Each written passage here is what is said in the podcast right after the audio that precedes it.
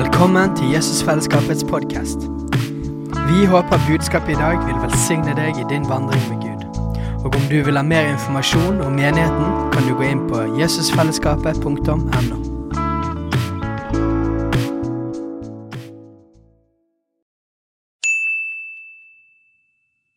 Hei! Visste du at Jesusfellesskapet starter en ny bibelskole til høsten? Den heter Jesusskolen og starter den 3. september. Gå inn på jesusskolen.no for mer informasjon. Yes, så um, det er jo da konferansen om tjenestegavene, og vårt hjerte er at uh, vi skal få se alle disse tjenestene stå sammen. Og at det er så viktig for uh, Guds folk, og for at Guds menighet skal få blomstre og bli sterk. Uh, og i neste rekke så har det enormt mye å si for uh, verden. At verden skal komme til tro, at Guds rike skal få innflytelse. Så Derfor er det veldig kjekt å ha med dere som vi har invitert her, og, eh, og prate litt om dette med hvordan stå sammen. Eh, og, og, være med og på en måte liksom, tegne et bilde over hva vi tror Gud har designet. Men jeg tenker igjen, dette er ganske sånn profetisk. da, At vi på en måte taler ut og profeterer noe som, eh, som vi tror at Gud vil gjøre mer av. Og som vi lengter etter at Gud skal gjøre mer av i landet vårt. Um, så vi tar det som et skritt i den retning med å gjøre disse tingene. Så, men vi tenkte å begynne med å ta en liten sånn uh, runde med en liten sånn presentasjon av de forskjellige tjenestene og litt sånn essensen av hva er dette her med å være en apostel, hva er dette med å være en profet og en evangelist osv. Og, så uh, og det gjør vi jo litt mer grundig liksom i, i på, på kvelden og de forskjellige sesjonene òg, men vi har lyst til å ta en liten, sånn liten kjapp her. Det gjør det òg lettere for de som hører på. Vi har nok mange som kommer til å høre på disse opptakene rundt omkring i landet. Så det er både for, eh, for oss, vi som er her, men òg for mange, mange andre. Eh, så ja, kanskje vi kunne tatt en liten sånn runde. Så eh, Jan Sigve, du skal jo på i kveld. Men du kan jo begynne å ta en liten smak, smaksprøve nå. Hæ? Ja, og det er jo noe med det når en skal på i kveld, så det er å foregripe begivenhetene. Men det med å si litt i forhold til apostelfunksjonen. Og um, en apostel, det, det betyr apostelos, betyr en utsending. Og um, nå er det jo så at det, det fantes tolv apostler i Bibelen. Så når vi snakker om aposteltjenesten i dag, så er ikke det å sammenligne med de tolv. Så vi tror fortsatt at Gud gir apostler til eh, sin menighet. Og at eh, vi kan få lov å ta imot de. Så dette med å være sendt Og apostelfunksjonen var jo også noe et begrep som, og apostler som ble brukt i forhold til f.eks. For eh, Romerriket, utbredelsen av Romerriket, hvor apostlene var med og bringte med seg et oppdrag fra en oppdragsgiver med en autoritet til å gjøre Romerriket til, til noe som eh, skulle utbres. Og da sendte de ut også apostler til det. Så det å være sendt Vi, vi ser det at eh, Jesus han sendte disiplene. Og de ble jo etter hvert også de apostlene som ble sendt ut. Så kom, apostler kommer fra Kristus på samme måte som alle gavene gjør. Så eh, apostelen bærer et, eh, et budskap og en åpenbaring av Kristus. Og Det vil jeg snakke mer om i kveld. Men det er et, det Bibelen beskriver som et mysterium som har vært skjult. Og, og det møtet med Jesus som han er med å bringe, og et himmelsk syn, som Paulus sier. Eh, han hadde vært eh, lydig mot det himmelske synet. Og hva er da det himmelske synet? Og det er hele åpenbaringen av Jesus Kristus. For det står i Guds ord i Efesene så står det at alt skal sammenfattes. Alt i himmel og på jord i Jesus Kristus. Og, og det er en åpenbaring.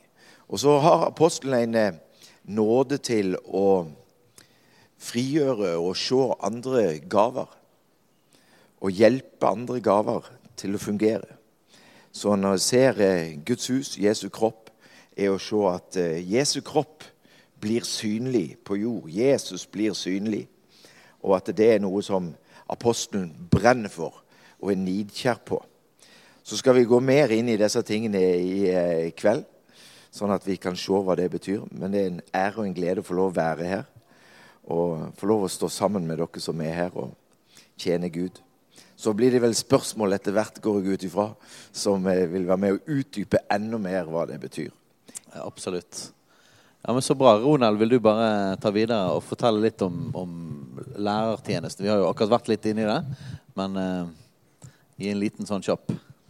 Ja, vi har jo allerede snakka litt på det i forbindelse med kulturkrigen, men, men jeg føler eh, Jeg tror òg det er noe profetisk i det vi gjør nå med å bringe de her tjenestegravene sammen. fordi at jeg tror det er ikke sånn at en av gavene skal fungere uavhengig håper å si, av de andre gavene, men jeg tror det er, en, det er en grunn til at de er satt sammen. Og òg satt sammen håper å si, både i den rekkefølge og i den struktur som, som de er. Og, og, der føler der tror jeg når det kommer til, til, til, lærergaven, at det som jeg tror kanskje er det viktigste for lærergaven, det er å holde denne her The main thing, the main thing. Mange tenker ofte lærergaven som en teolog eller som en, uh, en som på en måte har studert i mange år, og så har han blitt en lærer. Og det er jo bra. Det, vi elsker å studere, og absolutt fint, det. Men man ser jo på Paulus, for eksempel, i, i Paulus sin lærergave. Grunnen til at han skrev brevene, det var jo fordi at han var nidkjær for at det de trodde på, var riktig. Altså det, det, de, det de, bygde livet på.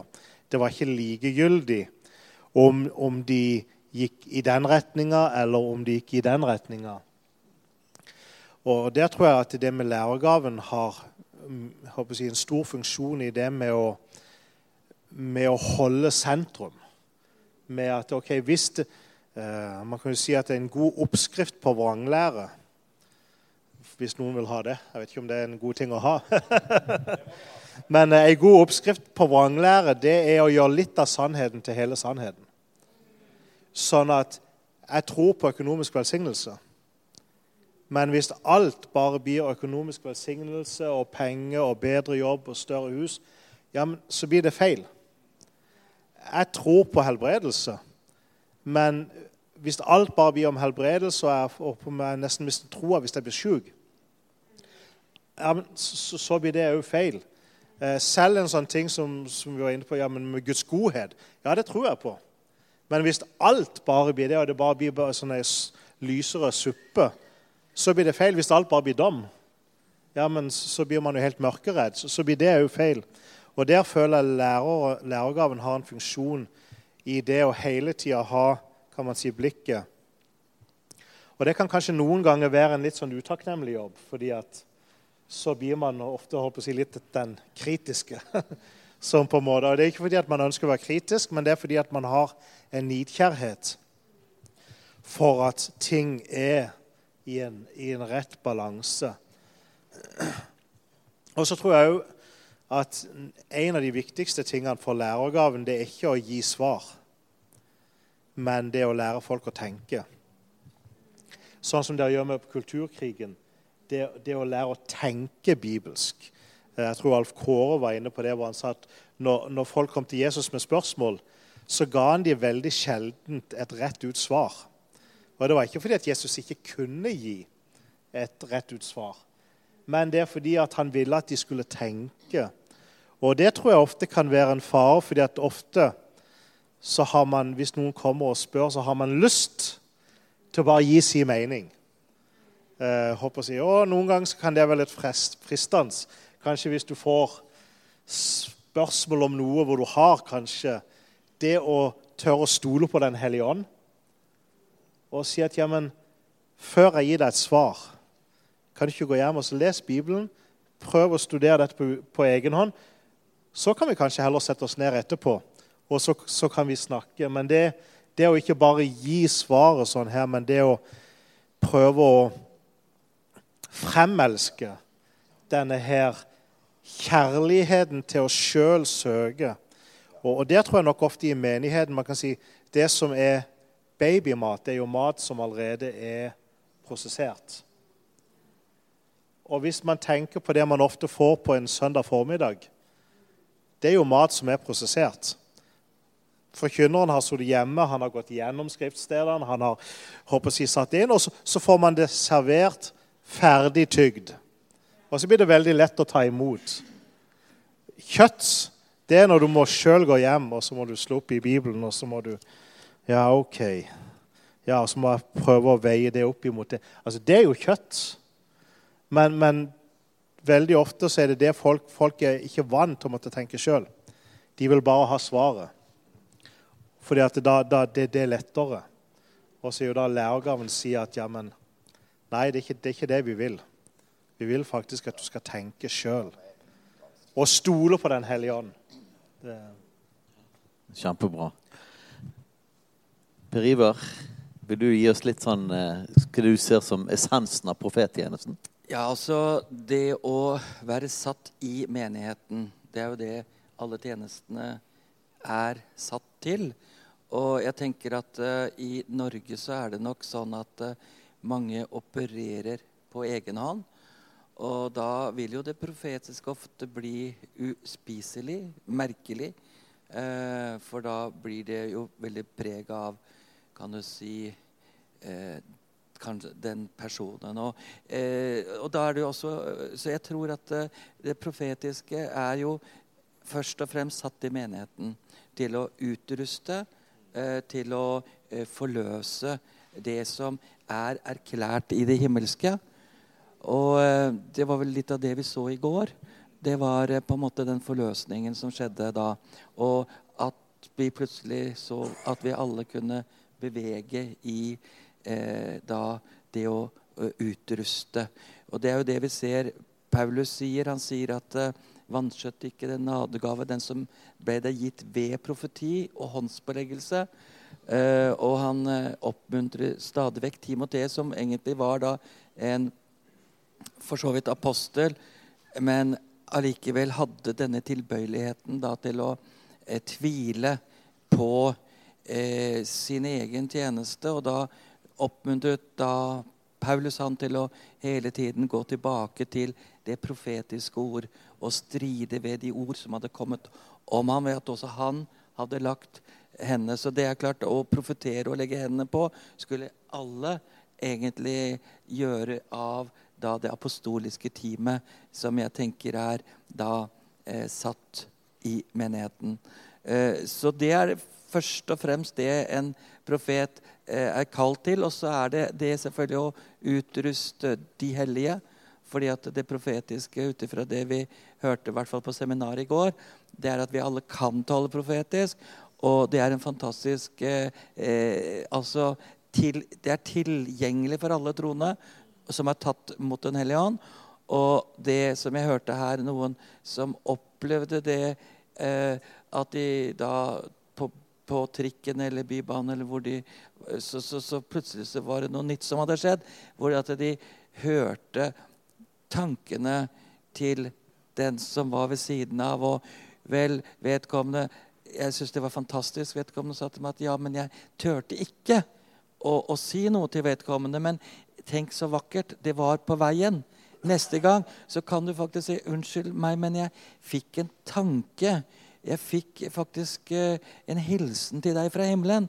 Har du, uh, har du, tid til å høre hva himmelen sier? Hva din himmelske far sier? Og jeg har vel aldri opplevd egentlig at folk har sagt nei til å få en hilsen fra himmelen. Og, og da kan jo de da, eh, som er ute der hvor du er, så vil det kunne fungere. Så, så utrustning eh, til å bli mer lydhør. Eh, og det å profetere er jo ikke det samme å være profet. Profet er at du på et eller annet tidspunkt i livet ditt har fått et kall. Eh, hvor du har fått en drøm, eller Gud har talt direkte til deg. Eller at det er en av de femfoldige tjenestene som da har talt ut en profets tjeneste over deg. Det er ikke noe du ønsker. Og selv om du profeterer, så er du altså ikke en profet men da fungerer du i det nytestamentlige. Og dette fungerer også på markedsplassen. Så før jeg var bevist at jeg var en profet, så faktisk så profeterte jeg for eh, byer jeg var i sånne settinger med hele byrådet, hvor jeg profeterte over byene deres. Og gjennom det så så jeg altså store overføringer av verdier som ikke har vært eh, vanlig å se. Eh, så du kan si at tenk så vakkert det er at du da kan eh, på den profane eh, markedsplassen, så kan dette fungere som gjør at plutselig så sitter du ikke fordi du har ambisjoner, men fordi du hører fra Gud. Så du blir satt i forskjellige styrer og stell. Eh, og kanskje det er at du har løsninger som også kan da bringe eh, faktisk overføringer på forskjellig vis. Og det er jo en vakker ting. Så, så, jeg tror at eh, ved at profeten blir tatt imot Og det må jeg si for meg å komme hit, da, som jeg sier, og det mener jeg også, at eh, jeg tror dere er den eneste menigheten i Norge som har adoptert meg og elsker meg og anerkjenner den gaven. Så jeg har også stått i dette først på markedsplassen. Der opplevde jeg selvfølgelig å bli anerkjent. Eh, men eh, kan du si i da en eh, fartstid da Og jeg har ingen skandaler bak meg. Ingen vranglære, ingenting. Altså fra jeg da ble født, så har jeg på en eller annen måte kan jeg si, vært atskilt til dette. Allikevel så tok det altså så mange år før at noen adopterte meg da. Så jeg opplever at dere er familien min. Og eh, som sagt, jeg har jo en menighet der i Øvre Eiker. Eh, absolutt. Og vi, vi, er en gruppe, vi også. og sånn, Men jeg må jo si, hadde jeg bodd i nærheten av Bergen, så hadde jeg vært i anfektelse for om jeg skulle da rett og slett si la oss gå inn i Jesusfellesskapet. Fordi at dette er jo en vakker ting. Det er jo det det dreier seg om, eh, egentlig. At vi står side om side og ikke har denne konkurransen, misunnelsen, men at vi faktisk ser hvorledes Guds rike avanserer. Så Det er jo det egentlig profeten er også kalt til. Å være med å peke på Jesus. Jesus er jo den store profeten. Det er jo han som er profeten. Og så er det det at vi alle vi har altså en viss del av Jesus Kristus. Ikke bare de femfoldige tjenestene, men alle de andre gavene, tjenestene som givertjeneste, barmhjertighetstjeneste, administrative tjenester, foruten da, da hele Den hellige, som har altså disse 18 tilgangene i Den hellige ånd, som jeg delte på seminaret i går. Tenk deg det. Kobb til. Og så har du da denne agape, som er høyere enn å søke etter den nådegave, som er den beste for situasjonen. Men agape frigjører hele pakka.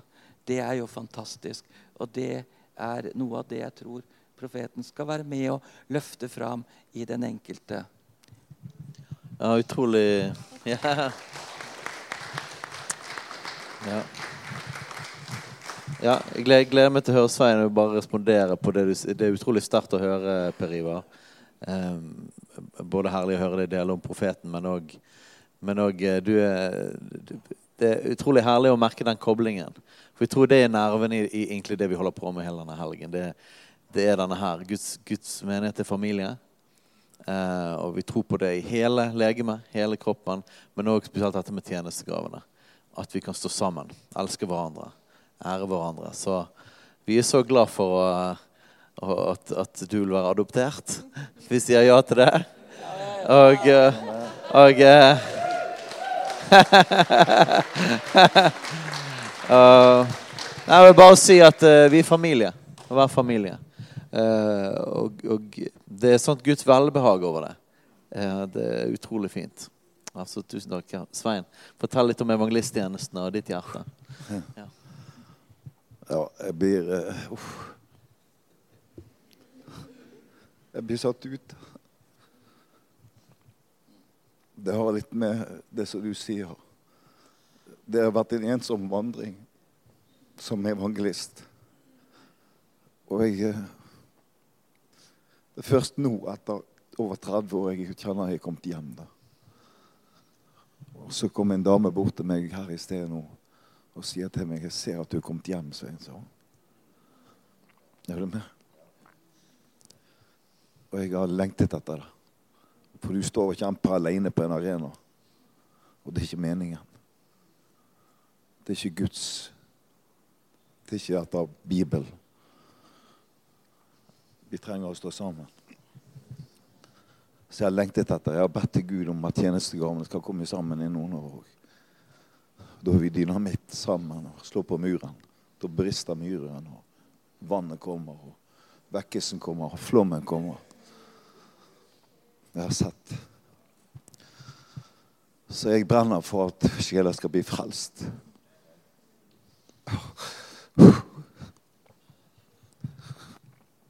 Det er kanskje det som ligger nærmest. Og så er jeg Ja, det står ikke så veldig mye om evangelisten inni her. Det gjør faktisk ikke det. Men det står nok. Ja, det står nok, det som står der. sant? Om Philip. Og det blir glede der i byen. Og jeg tror det skal bli glede når evangeliet blir For, for det er de gode nyhetene, da. Ikke sant? For det er gode nyheter. Og det er jo det verden trenger. da. For det er ikke én eh, god nyhet der ute. Det er ikke vits å se på TV.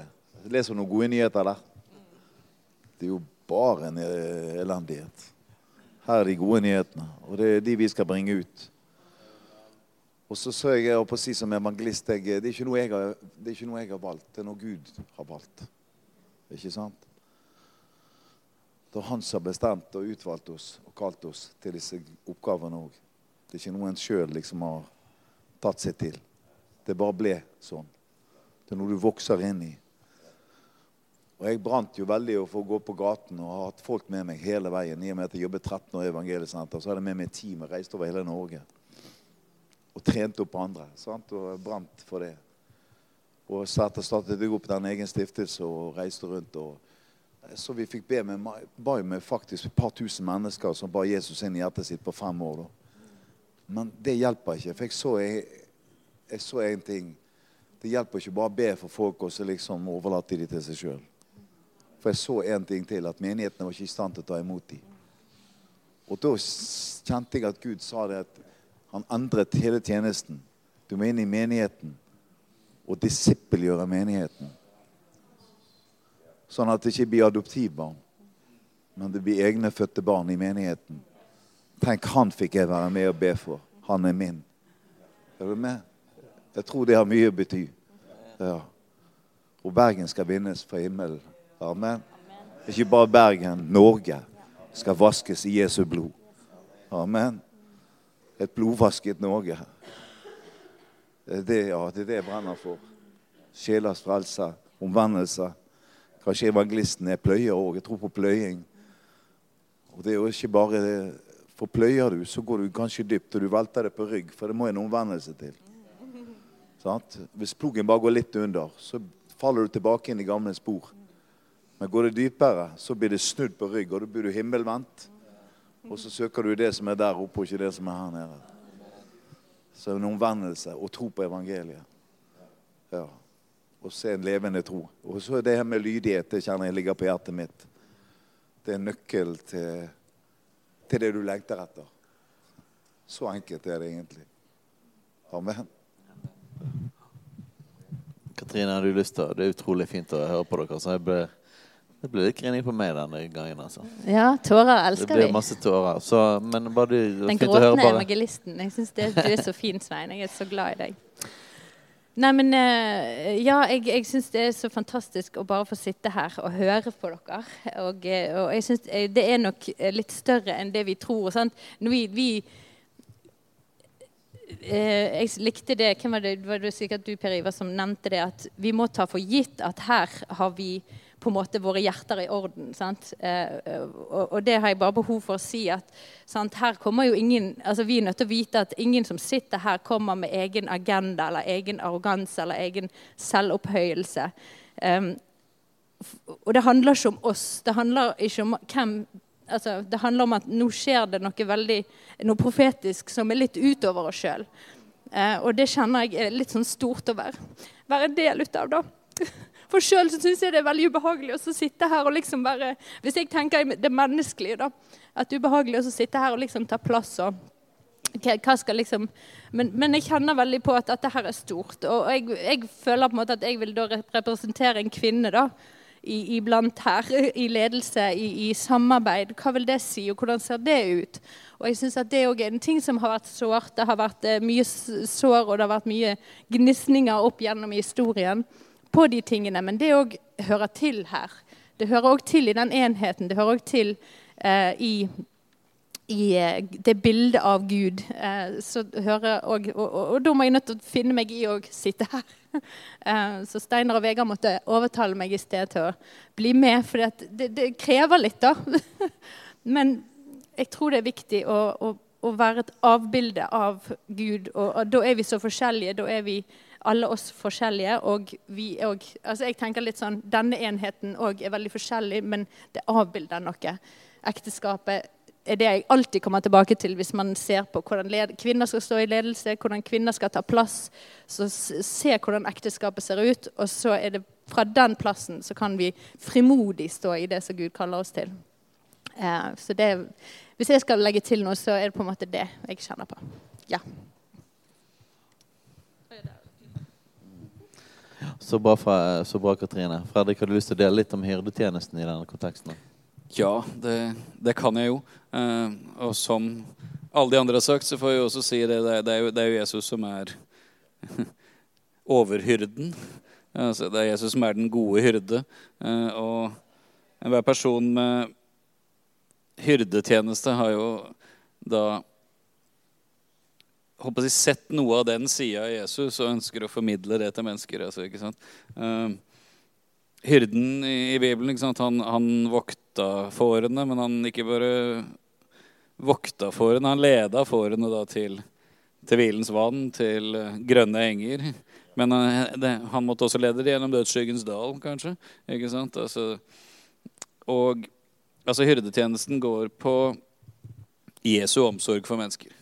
Uh, Jesu omsorg for mennesker ikke bare sånn klappe på de og si du er søt og snill, eh, og, og, Gud elsker deg, gå hjem og slit med problemene dine, men Jesu omsorg for mennesker på et nivå av at Jesus elsker mennesker akkurat sånn som de er, men han elsker oss også så høyt at han ikke vil la oss forbli som vi er. Altså, det, det at Bibelen snakker om at Jesus skal vinne skikkelse i oss. altså Bibelen snakker om at vi skal vokse opp til Han som er hodet. Og mye av hyrdens oppgave er jo å støtte, styrke, oppmuntre, utfordre, hjelpe mennesker til å komme videre i livet. Da, ikke sant? Altså, uh, være ærlige med livet. Få tillit til noen som man kan dele det jeg kaller skattene skjult i mørket, som de fleste jo tror ikke er det. Altså de skamfulle tingene i livet som man trenger å bringe inn i lyset overfor noen som er trygge å gjøre det overfor. Så hyrdetjenesten går jo sånn som jeg tenker, først og fremst på å gjøre mennesker i stand til å følge Jesus.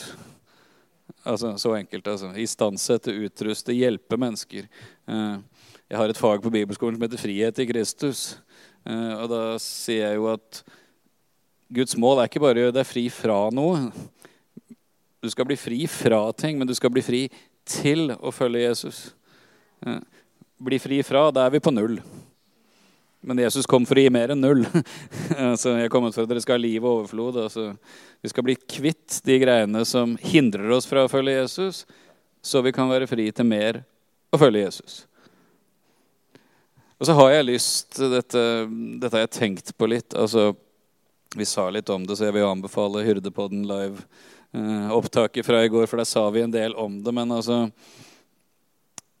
i Norge så har vi, i, særlig i frikirkelig sammenheng, hatt nesten et slags sånn pastordiktatur. Eh, pastor er da et annet ord for hyrde. Eh, men, men, pastorer har jo veldig ofte blitt en slags sånn småkonger da i menigheter. Eh, enten ved at det er de som har starta menigheten, så det er de som eier menigheten, for å si det sånn. Eh, eller så er de altså blitt da ansatt av noen, så da skal de altså lede, da, men de står under noen andre. og så da blir man jo gjerne redd for jobben sin hvis det dukker opp andre som kommer med noe annet. eller og Så, videre, og så, videre. så kan man bli redd for at alle disse skumle menneskene skal komme og skade sauene sine. ikke sant? Altså, eh, og som vi har snakka om før Det er veldig menneskelig det at vi liker best de som ligner på oss sjøl. Ikke sant? Eh, du har lettest for å relatere til noen som du kjenner en connection med med en gang. og liksom, ja, men han ser litt ting sånn som meg, eller hun tenker litt sånn som meg, osv. Og, så videre, og, um, og så kommer det da inn en med en plan fra himmelen over hva Gud ønsker å gjøre i regionen. ikke sant? Eller så kommer altså en, en, Jan Sigve eller en apostel, eller så kommer en lærer inn og sier ja, men hallo, her er dere altfor overfokusert på disse greiene. Her Her må dere få, sette skap på plass. Eller så kommer profeten inn, vet du, og Den hellige ånd faller, og det blir uh, armer og bein i alle retninger. ikke sant? Og pastoren står og river seg i håret og lurer på hva i alle dager skjer med denne flokken min nå. Eller evangelisten da, som kommer inn og skal hive alle sammen ut på gata. ikke sant? Og, syv fjerdedeler av menigheten er livredd og har bare lyst til at han fyren skal gå igjen. ikke sant? Altså. Og så har det veldig ofte da blitt til at pastorer da, i form av hyrder stenger igjen. Og tenker ja, men nei, dette er ikke bra. Så, sånn skal vi ikke ha det her. ikke sant? Altså, dette, dette uroer flokken. Dette, dette får båten nesten til å kantre her. ikke sant? Og så og så ender vi da altså rett og slett opp med at Guds menighet har alvorlige mangelsykdommer. Fordi hvis du skulle ha fem vitaminer, og du bare får én, så får du vitaminmangel. altså Du får ernæringsproblemer. altså rett Og slett, altså, og det, det pastordiktaturet som har vært har rett og slett frarøvet Kristi legeme i Norge veldig mye av det Gud hadde tenkt at menigheten skulle få. Og det mest paradoksale med det er jo det at en av hyrdens oppgaver er å passe på at fårene får mat. og så er det da hyrdene som kanskje har gitt menigheten da mangelsykdommer ved rett og slett feilernæring. Og, og det er en ting som, som jeg rett og slett Apostler er vi ikke vant til. Så, så, det er egentlig bare rart og eksotisk. Så Derfor så gleder vi oss til i kveld. ikke sant? Mens evangelister og profeter har vi jo vært borti. sant? Uh, uh, og det er ingen som har fått så mye juling i Guds menighet i Norge som evangelister og profeter. Bare spør de to karene her. Altså, skal, dere skal få slippe å dele sånne historier, men det er ikke tvil om det. Og jeg har rett og slett som en som har vært pastor i over 30 år, så har jeg lyst til å be evangelisten og profeten om tilgivelse for den behandlingen Guds menighet har utsatt dere for. Hvor dere ikke har fått være en del, og hvor dere har endt opp ute på sida. Og ikke fått være en del av familien. Altså, jeg syns det er helt nydelig Per Ivar, når du sier at du kjenner deg adoptert. Men jeg syns det er helt forferdelig at det tok over 30 år. da. For du skulle vært der hele tiden. Så ja, på vegne av altså pastorer og lederskap sånn sett, så vil jeg be om tilgivelse for den behandling både dere to konkret har blitt utsatt for, men også den behandlingen utallige evangelister og profeter har blitt utsatt for i dette landet.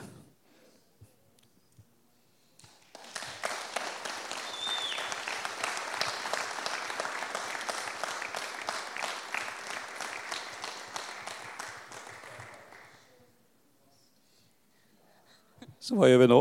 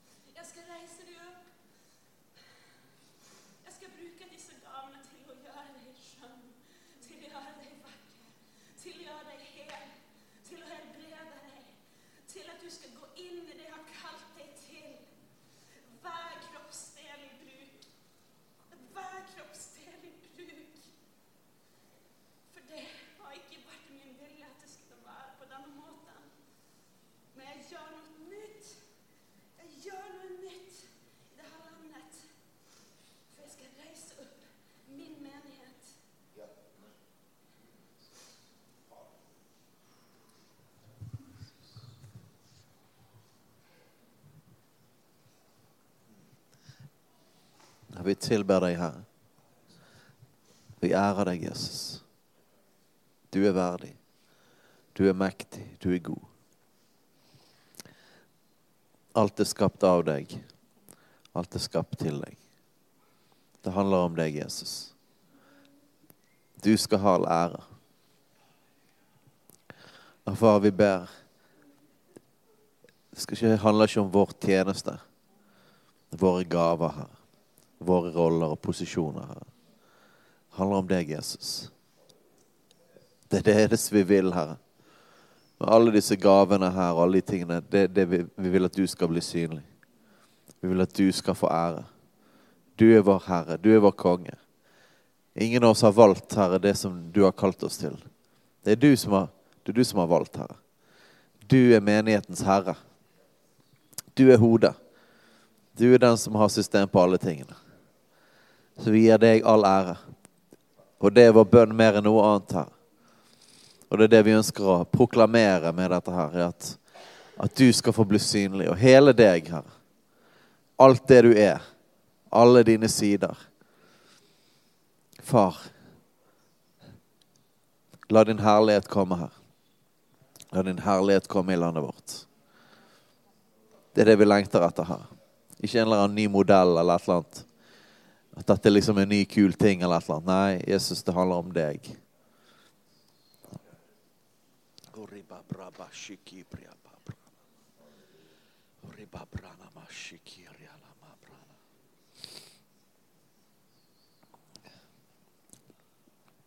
Jeg syns det var utrolig fint å, å få høre. Det, det, er en sånn interessant ting når vi snakker om, om tjenestegavene, er at på en måte tror jeg mange liksom lengter etter å forstå bedre. Gi meg liksom noen punkter på liksom Sånn og sånn og sånn er liksom profeten. Sånn og sånn og sånn er evangelist. Sånn og sånn er apostelen. Så er det mange sånne spørsmål og mysterier. Men så merker jeg at hver gang vi skal snakke om det, så drar Den hellige ånd oss alltid til å snakke om Det handler om Jesus. Det handler om Jesus Kristus. Og det er akkurat som at ja, det er nyttig å forstå noen av disse forskjellene, men det er jo samtidig sånn her, hele tiden en sånn magnetisk kraft i at ja, men det er Jesus som er evangelisten. Det er Jesus som er profeten. Det er Jesus som er læreren. Det er, det er Jesus som er overhyrden. Og, og, og Jan Sigve han skal snakke om apostelen, så mener det handler om Kristus. Sammenfaller alt i Kristus. Og så er det sånn, ja, men Fortell oss litt mer. Hva er dette egentlig? Det er Jesus. Og det er forskjellige sider av Jesus. Eh, og det er det vi brenner for. Det er det som ja, jeg føler det, liksom, det er liksom essensen av alle disse tingene her. da. Og det samme når du Katrine, løfter opp det med mann og kvinne og ekteskap. Det handler om Jesus igjen. Det handler om bruden og brudgommen. Så jeg er glad for at det er det som får skinne all, aller mest eh, inn i disse tingene. Ja. ja. Du ser på meg, ja.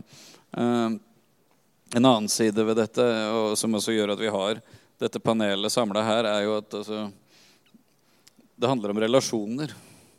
Eh, det handler om relasjoner da, mellom gaver og tjenester og det handler altså om, altså, vi, vi, vi, kunne jo ha gått på internett og googla liksom, for å finne apostel, profet, lærer, evangelist. Liksom. Finne noen kule, kjente. Da hadde vi sikkert kunnet sprengt kapasiteten her ikke sant? og fått inn de store kanonene hvis, det, hvis målet var å ha en konferanse med masse mennesker. Men vi har jo invitert disse karene her fordi de er tjenester som også er mennesker som vi har en relasjon til. Eh, for dette er ikke Sånn sett så er det, det er ikke næringsliv eller business, det er ikke hierarki, det er ikke, det er ikke strukturer, det er relasjoner det går på. Eh, og vi inviterer dere inn og har invitert dere hit fordi vi kjenner dere, og fordi vi har tillit til dere. Og Derfor så vil vi ha de dere er, og det, det dere bærer. Og det, det, handler om relasjoner, rett og slett. altså. Uh, Jan Sigve, kunne ikke du fortalt litt om dette her med For det ligger jo så sentralt i aposteltjenesten, dette her med å bringe alle disse gavene sammen. Og koble og jobbe sammen med og hjelpe folk å jobbe sammen. Eh, kunne ikke du sagt litt om det? Ditt, ditt, hjerte der og din erfaring. og hvordan, hvordan, dere gjør det, og du gjør det i, i, i deres arbeid. Ja, jeg skal, jeg skal, svare, eller prøve å si litt om det. Men bare først si noe av det Fredrik snakker om her. At det handler om relasjon. Og, og du, Steinar, drar inn dette med åpenbaringen av, av Jesus. Det står at Jesus han er den førstefødte sønn i en rekke av sønner og døtre. Og det å skjønne det at eh, vi er Guds barn, og vi er sønner og døtre Det fins ingen høyere posisjon enn å være en sønn og ei datter. Og det å skjønne at den høyeste status imellom oss, hvis en skal snakke om det, er at vi er brødre og søstre. Og det å få lov å kjenne det, at vi sitter her som brødre og søstre. At det er ikke etiketter. Det er ikke titler eller posisjoner eller apostel, profet, evangelist, lærer. hyrde. Det er ikke det vi tenker på. Vi er brødre. Vi er søstre. Vi er venner. Vi er medarbeidere. Vi er stridskamerater. Og, og, det er så viktig å skjønne. For hvis du begynner å forholde deg til titler og posisjoner Det er ikke det Gud ville ha. Det er ikke det Jesus ville ha. Han eh, bøyde seg ned, og han tjente. Han tjente. Og når du sier det du sier, Steinar, der at eh, hvordan ser dette ut, så så er det jo det at eh, Jeg får bare får vitne for min egen del. Jeg har ikke alltid sett dette med apostler, profeter, evangelister, lærerhyrder og de gaver Gud har gitt. Jeg er på lik linje med både Svein og, og Nå står navnet helt stilt, men det var Per Ivar. Eh, stått alene. Og det å få lov for meg å møte nettopp en apostel som bringte inn en åpenbaring av Kristus. En åpenbaring av Guds plan. En åpenbaring av menigheten som Jesus bygger. Det ble revolusjonerende for meg. For å si Det sånn, det ble en åpenbaring. Eh, og, og du vet det, det, Og det er noe av det også Per Ivar nevnte i går også. Hva, det du ser. Og hva ser du? Og hva ser vi? Og, og det, er, det er essensen i forhold til det å se at apostler jobber med andre gaver. Det handler om hva de har sett. For det, at, eh, det er det vi har sett, som gjør at vi erfarer en hjerteknytning. Vi har sett eh, Kristus. Vi har sett det himmelske synet. Vi har sett ulike sider av Kristus. Og i det så fører Kristus, Kristus fører gavene sammen. Og Da er det det at det står i Bibelen at Gud satte først i menigheten apostelen, så profeten og så læreren. Det er en rekkefølge.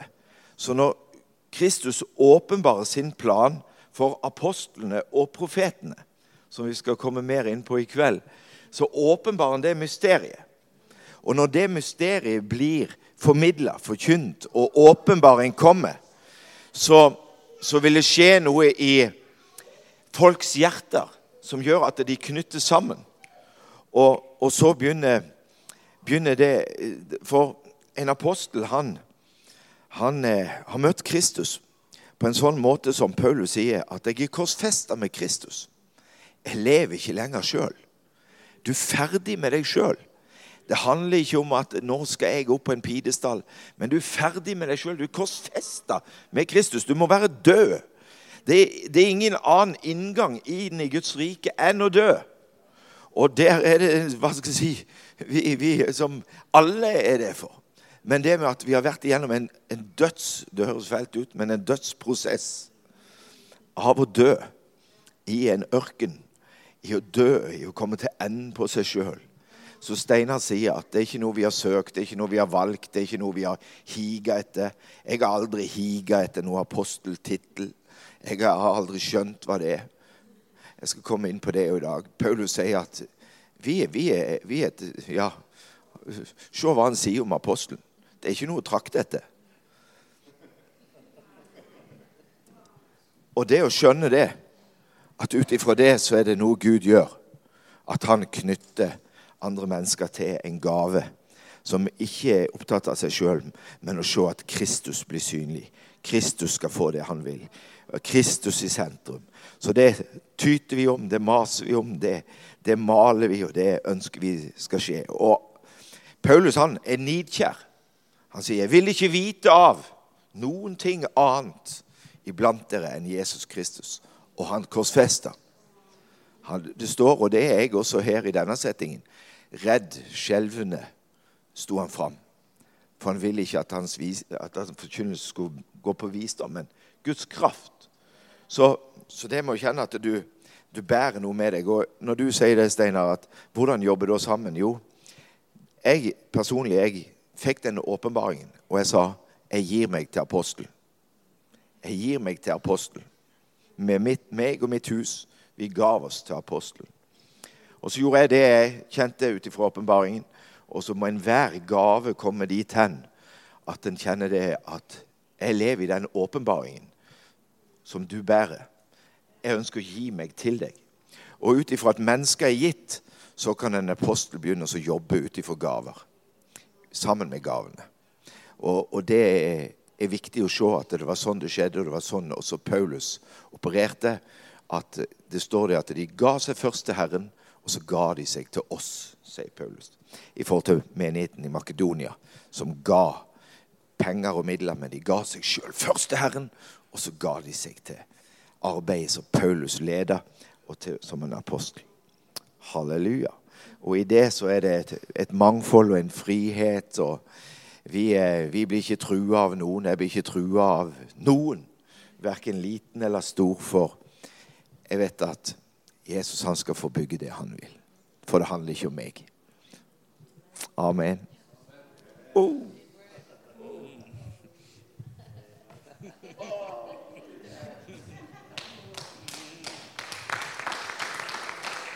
Ja, amen.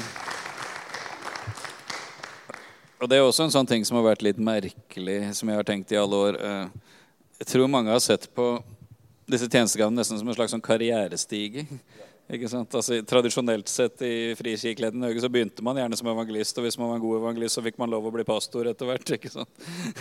altså, og så kunne man jo kanskje, hvis man hadde vært en god pastor, så kunne man da få tilsyn med flere menigheter. Og, altså, og så blir det en sånn derre stige man skal klatre oppover. Altså, mens uh, Paulus snur jo helt på hodet. altså, ikke sant? Altså, Jesus snur det helt på hodet. Uh, det er ikke den stigen det er snakk om. Uh, og det har jo også ført til veldig mange ganger at gode evangelister har blitt dårlige pastorer, eller osv. Altså, eller altså fordi man skal på død og liv presses inn i en eller annen rolle. Man skal ikke få lov å være seg og komme med det Gud har gitt en. Man skal, man skal passe inn i en form. Og konformitet, den eneste vi skal konformes til, altså likedannes med, det er Jesus. Ikke altså ledelsesmodellen eller eh, folks forventning til hvordan en pastor eller leder eller tjeneste skal se ut. altså. Der er en, en viktig ting. Ja nå, nå, ja. Noen av dere tre andre har sikkert fått noen tanker dere har lyst til å gi respons på i noe av dette her, kanskje? Ja. I forbindelse med det som Jan Sigve sa eh, jeg tror ikke, Ofte så tror jeg kanskje det blir feil fordi man har fokuset på tjenestegavene. Og, og så blir det på en måte det man trakter etter. Og folk lurer på ja, men er, er jeg en apostel. Er jeg en profet? Er jeg en lærer? Hvor, er jeg? Målet er ikke tjenestegavene. Målet er menigheten. Jeg håper å si legeme. Tjenestegavene de, de, er bare noen som er der for å være med og hjelpe. Men, men målet er jo utrustningen av de hellige. Og til å utruste de hellige så syns jeg det er utrolig vakkert hvordan Gud har gjort det, sånn at han han sørger for at jeg ikke er nok. Noen ganger så har man jo ofte lyst til å være seg sjøl nok. Men, men, Gud har bevisst gjort det sånn at jeg kan ta folk et visst stykke, og som har kommet til et sitt Her kan ikke jeg hjelpe deg lenger. Her må jeg, her må jeg ha tak i en profet. Kanskje som lærer så kan jeg kanskje lære noen ting, men, men så kommer det et punkt hvor jeg sier nå må du ha hjelp av noen andre. Og det er jo en ydmykhet i det. Det, det å leve, leve med den begrensninga at jeg vil aldri komme der at jeg er nok. Fordi Gud har ordna det sånn at det er meninga at jeg skal være knytta med andre. Og så fort jeg bryter den, håper si, da kan ikke jeg være den hjelp til legemet som jeg skulle ha vært. Fordi at jeg mangler noe. Og, og det tror jeg er håper si, noe av det viktige. Det, at det handler ikke om posisjoner. Vi er bare et brikke i et større puslespill. Bare lyst til å kommentere. Utrolig bra sagt, Ronald. Og jeg for min del, når jeg har erfart å komme og ble en del av et apostolisk team, så var nettopp dette her som du snakker om nå, er at jeg ble så forundra over måten en jobba sammen på. For det at når apostelen kalte sammen teamet som han da leda For det ser vi at Paulus han, han leda et team. Og at apostelen har en nåde til å lede et team av gaver. Så når Noralf, da, som var da den som jeg ga meg til, og som jeg har gitt meg til som en apostel, kalte oss sammen, så, så hørte vi fra læreren. Vi hørte fra profeten. Vi hørte fra evangelisten, som hadde vært på besøk i en menighet. Og så hørte vi hva så dere? Hva delte dere? Hva kjenner dere på? Og så søkte vi Gud inn i det som hadde blitt delt ut fra de ulike gavene som hadde vært og besøkt menigheten. Og så så vi nettopp det som Ronald er med å beskrive, at vi ser at menigheten trenger mer av ei side rundt Guds ord. Vi for eksempel, som fellesskap på Stord vi, vi, hadde en nåde ved at vi var gjestfrie, vi levde menighet, vi hadde fellesskap. vi var skikkelig, Det var, det var godt å være sammen med oss. Og vi, vi, vi elska hverandre og en trivsel og høy trivselsfaktor.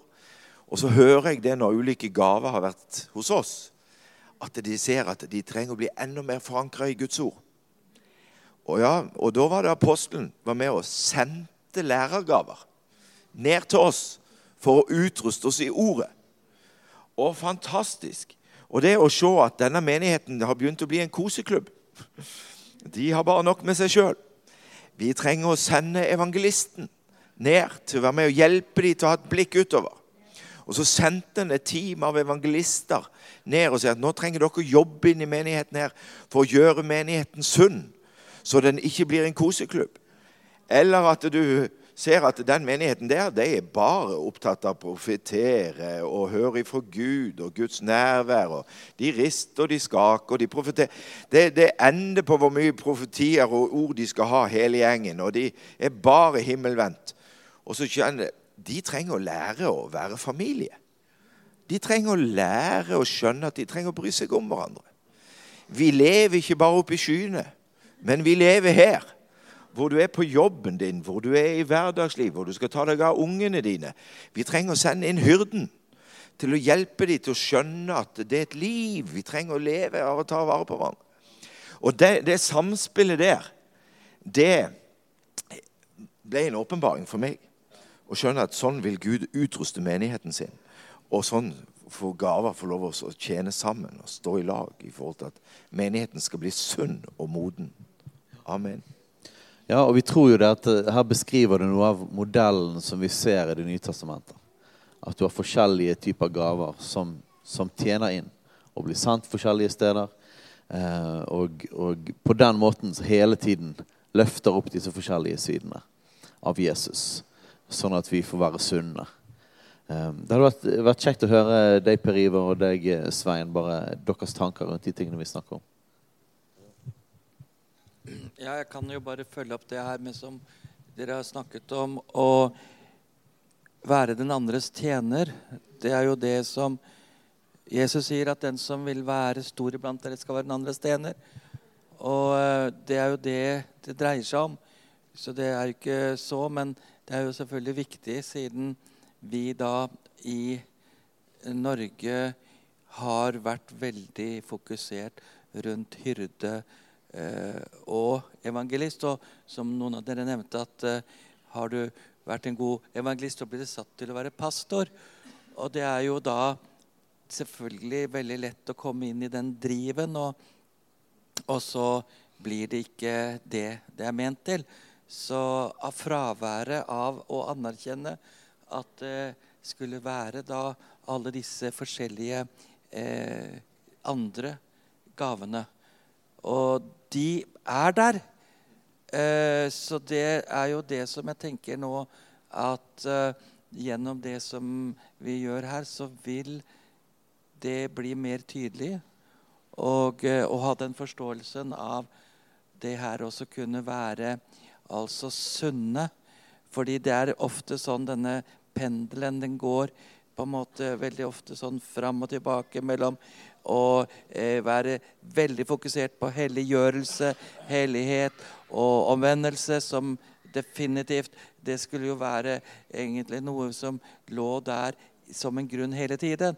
Men så har den pendelen, sånn som jeg har sett det gjennom alle disse årene, så, så har jeg altså sett at den pendelen den går gjerne fra det ene til det andre. Så er det nådefokuset osv. Og, så og vi kommer altså ikke videre. Så jeg tenker at gjennom de femfoldige tjenestene og gjennom den sunnheten, så vil vi plutselig eh, kan du si, legge sten på sten, istedenfor at vi da bygger, og så rives det ned. Og Derfor så tenker jeg at det her med f.eks at vi har alle et ansvar å holde all åpenbaring som har kommet opp gjennom hele kirkehistorien, i hevd i våre liv. Altså at vi faktisk eh, bygger på alt det som har blitt gitt gjennom kirkehistorien. Og da ser vi jo at mye av de forskjellige fra Vi behøver ikke bare gå fra reformasjonen. Vi kan gå lengre tilbake òg. Men vi ser at det har vært forskjellige tider hvor det har vært forskjellige av disse på en måte tjenestegavene som har vært i egentlig funksjon i de forskjellige vekkelsene. Eh, og, eh, men også hver for seg så vil det jo bli en ubalanse. Da vil den pendelen gå fra det ene til det andre. Men når vi da plutselig kommer dit hen hvor vi eh, sier ja takk til alt Det er vel du som er favoritt eh, å si ja takk begge deler. Men eh, vi må ta det litt lenger enn begge deler. Vi må altså ta ja takk til alle tjenester. Og alt det for sammen, så vil det enda mer reflektere altså hele fylden av Jesus Kristus. Det er jo det som er at han er så stor, så mektig, så underfull. Og Derfor syns jeg det også var, er vakkert å se i går F.eks. Peter, som er den lokale profeten her. Han fungerer jo på en litt annen måte enn det jeg gjør. Og jeg eh, nyter å høre hvorledes han da fungerer.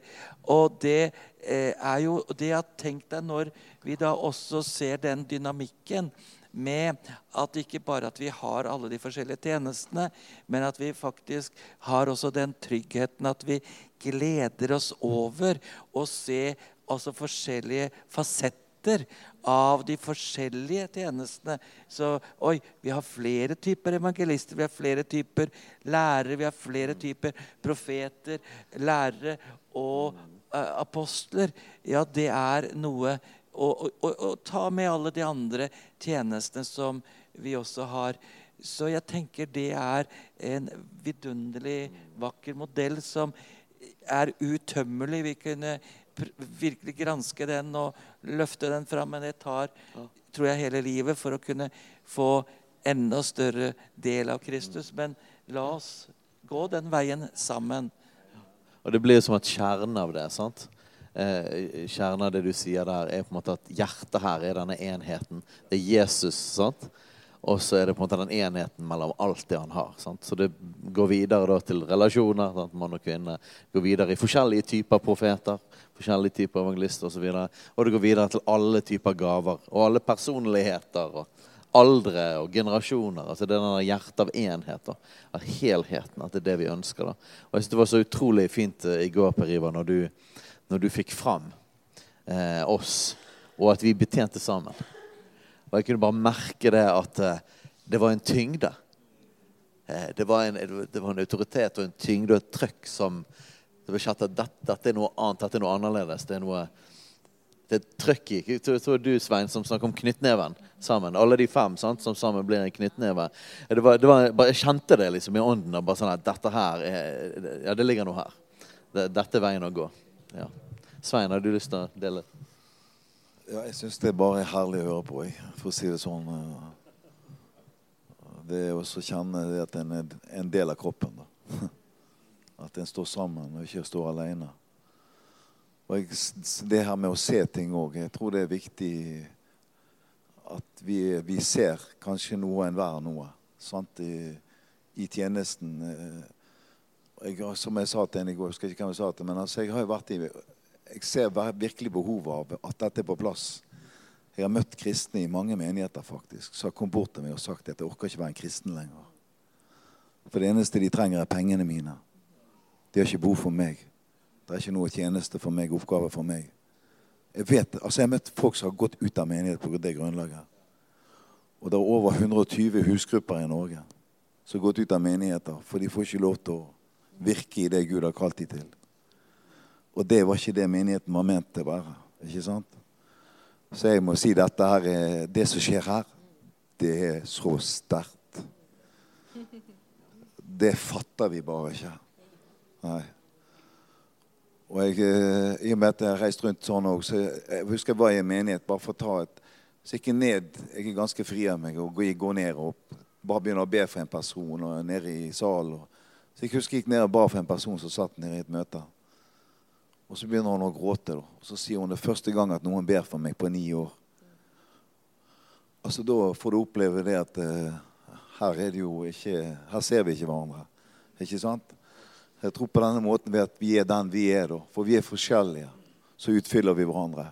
For det er Gud som setter sammen i menigheten slik som han ville ha det. Ikke sant? Og han er den beste designeren til å sette tingene sammen. Amen.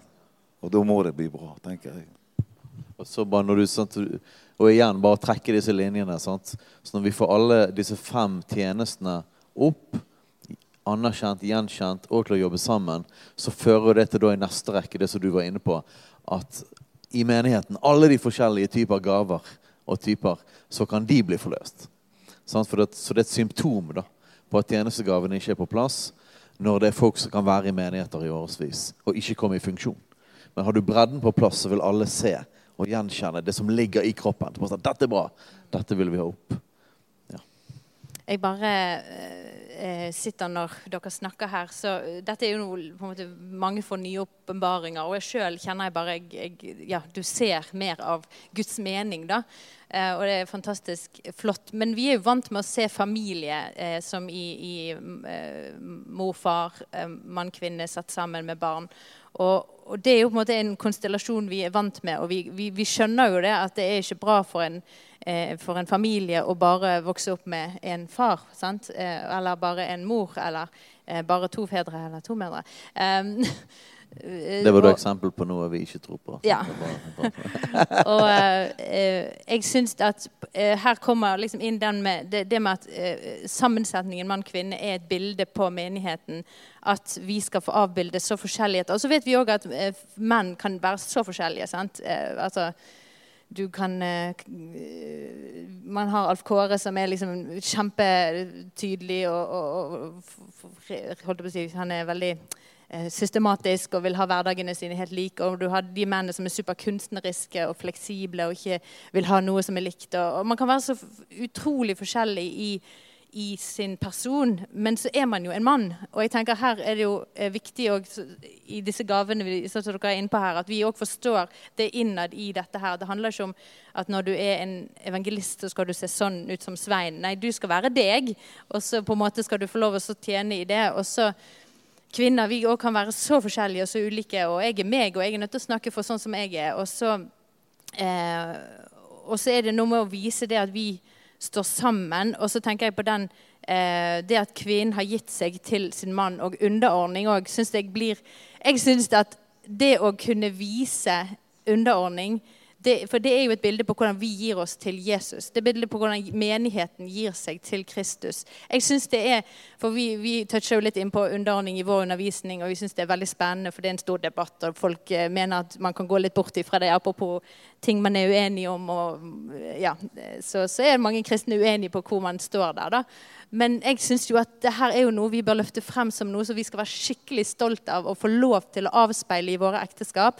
At vi skal få lov til å vise hvordan menigheten skal gi seg til Kristus. Det er sånn vi skal vise og i vår relasjon eh, at jeg gir meg til min ektefelle sånn som jeg gir meg til Jesus.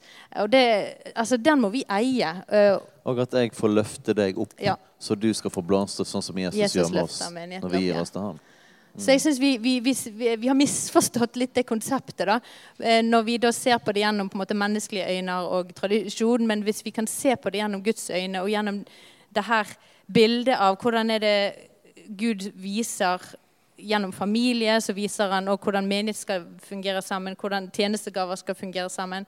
Eh, og jeg tror eh, ja, det, det, litt det der mysteriet er større enn det jeg tror vi fatter. da. Ja. Men vi skal være stolte i, i, det ansvaret som Gud har gitt oss. Nå snakker jeg som kvinne, da, i å kunne få lov å stå. Og da, når jeg da har gjort det i mitt indre, for det handler om en indre jobb det er en indre eh, handling jeg gjør i å gi meg til først Jesus eh, som min herre, og så gi meg til min ektefelle.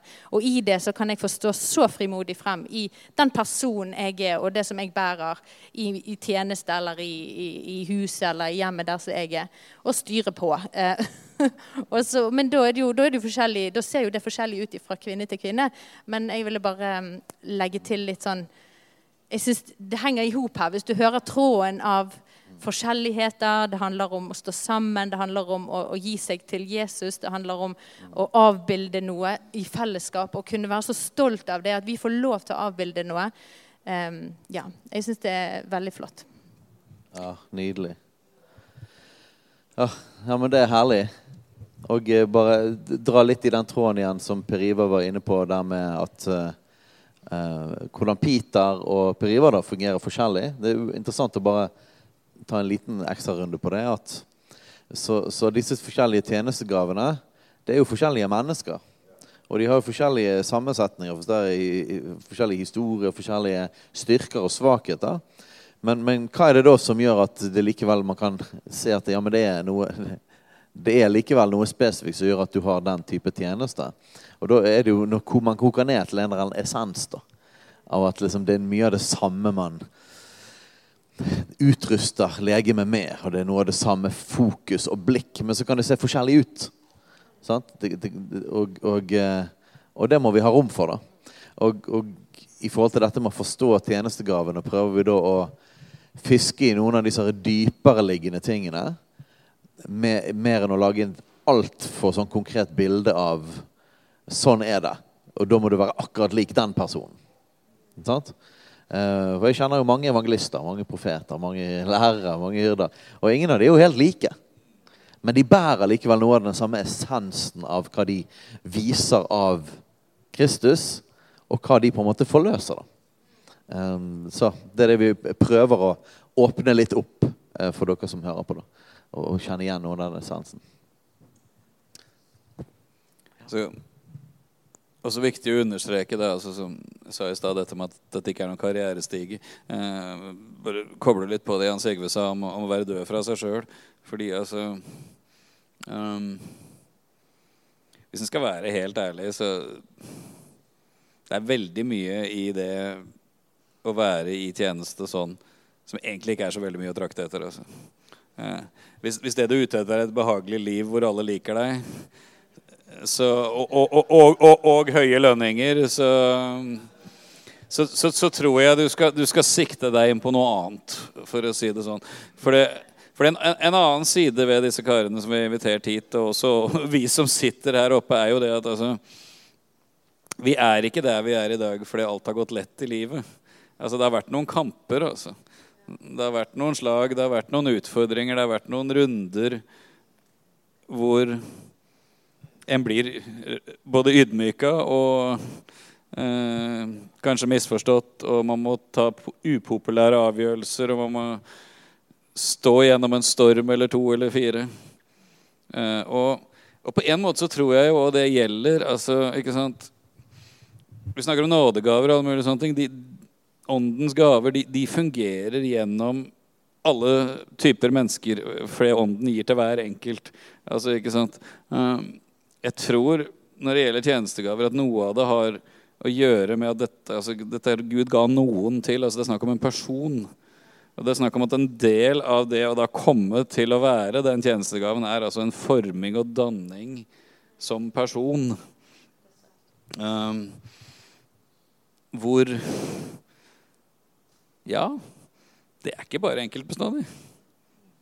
Uh, jeg husker når jeg kjente på et, et kall, og da, da, var det selvfølgelig et pastorkall, for det var det man var sammen, det var det man skulle bli i den sammenhengen jeg var i. Husker at jeg snakka med han som var pastor i menigheten jeg vokste opp i, når, når jeg var sånn nokså nyfrelst.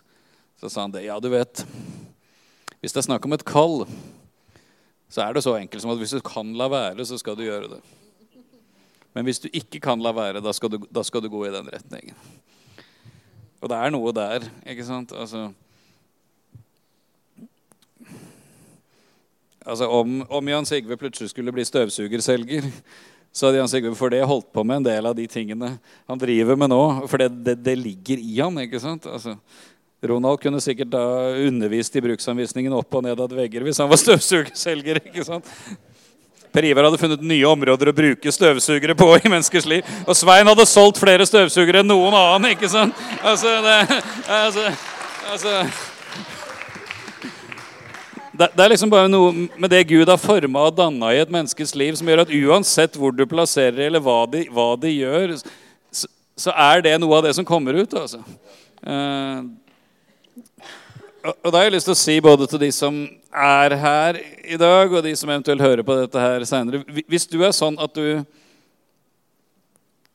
alltid har følt deg litt annerledes, og det er ikke fordi du er rar, det er bare du alltid har følt deg litt annerledes, da kan det være fordi Gud holder på å virke fram og jobbe fram noe i deg som er annerledes.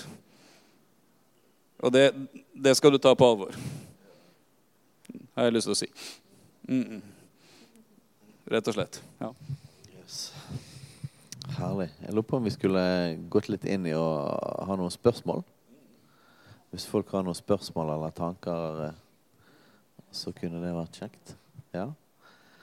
Så Ja, den, han ville at vi skulle ha, bruke mikrofonen, så da hører han når han skal oversette. Kunne noen kanskje Nei, jeg kan gjøre det. Jeg kan løpe litt rundt. Vil du løpe rundt? Ja.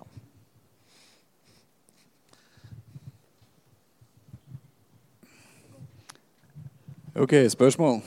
Opp med hånden hvis man har spørsmål.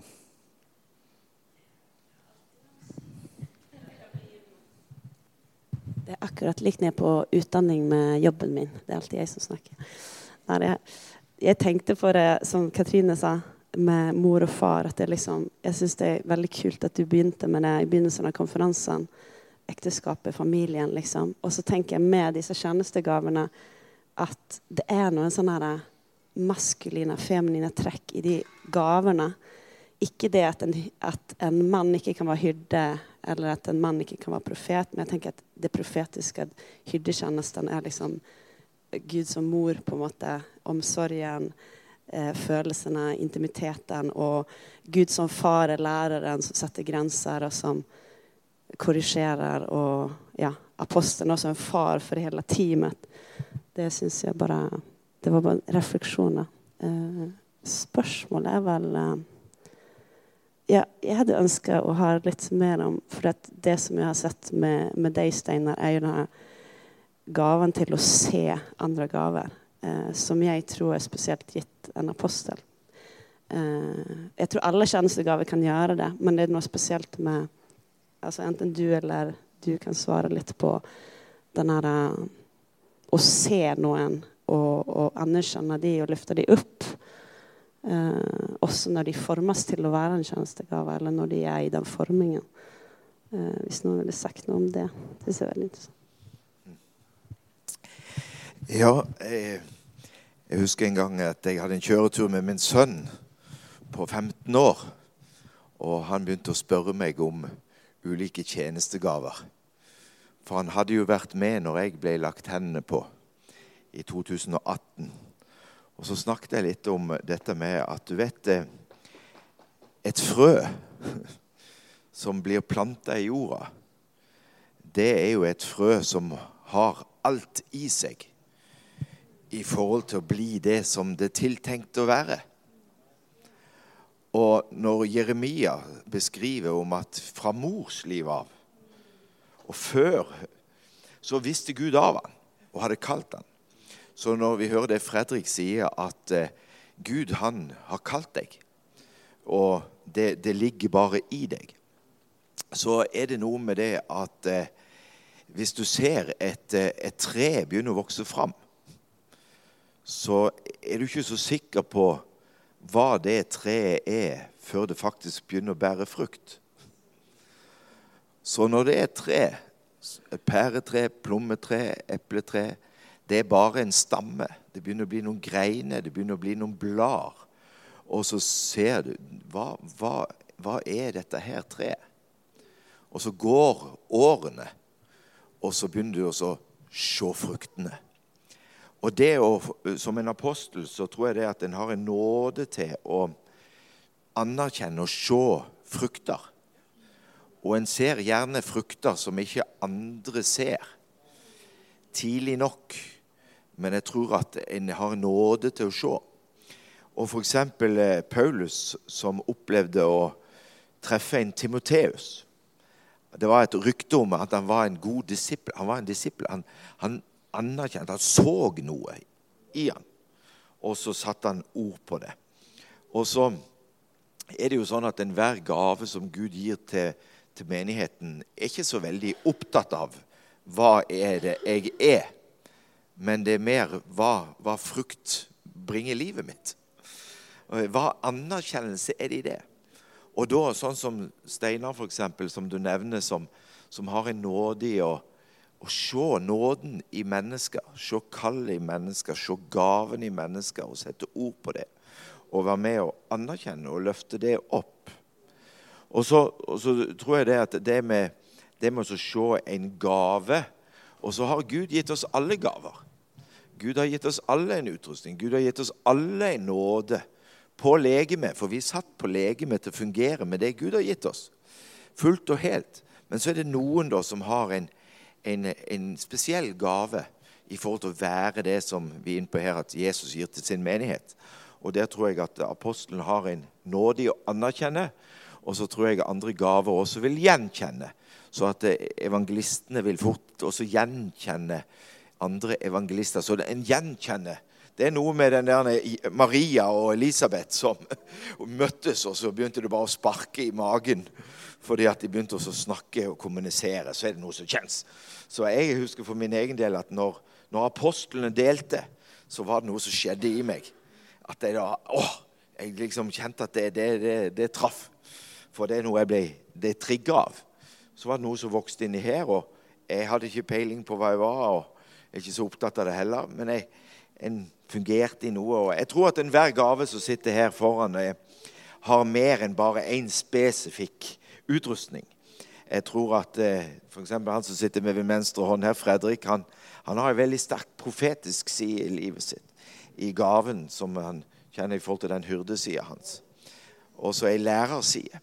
Så han er, han er breiere enn å bare tenke han er en hyrde.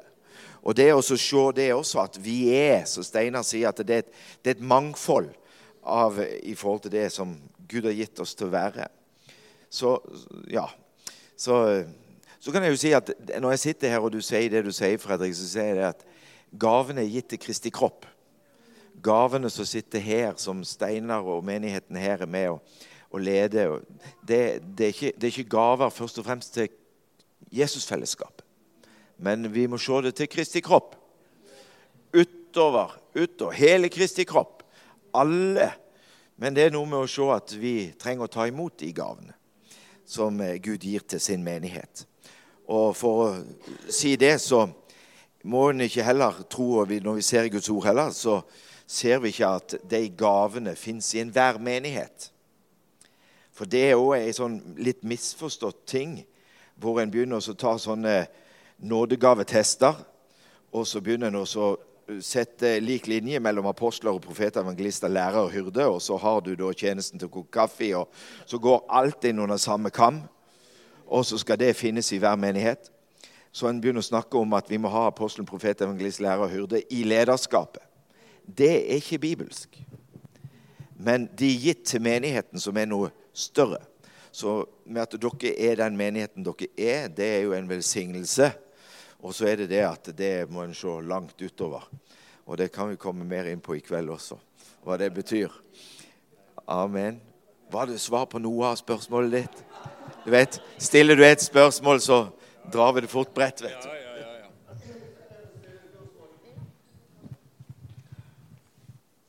Ja, først vil jeg bare si tusen takk for å komme her. Utrolig lærerikt altså. Altså, Jeg har bare et enkelt spørsmål. da. Hva ligger dere i at vi skal sitte altså, til, For meg er korset tillit. Hva vil det si å sitte sin lit i Jesus for dere? Altså, Jeg kjenner på liksom at eh, til syvende og sist så Vi kan sitte og snakke så mye, da. Og så blir det bare en spill. Det blir bare forvirring, konfusjon. Men til syvende og sist sitter vi lit til Jesus, mener jeg, da, så har han kontroll over hele greiene her. Og så, eh, så Det jeg har fått med meg her i helgen Jeg må bare få sagt at dette er ikke et spørsmål. da.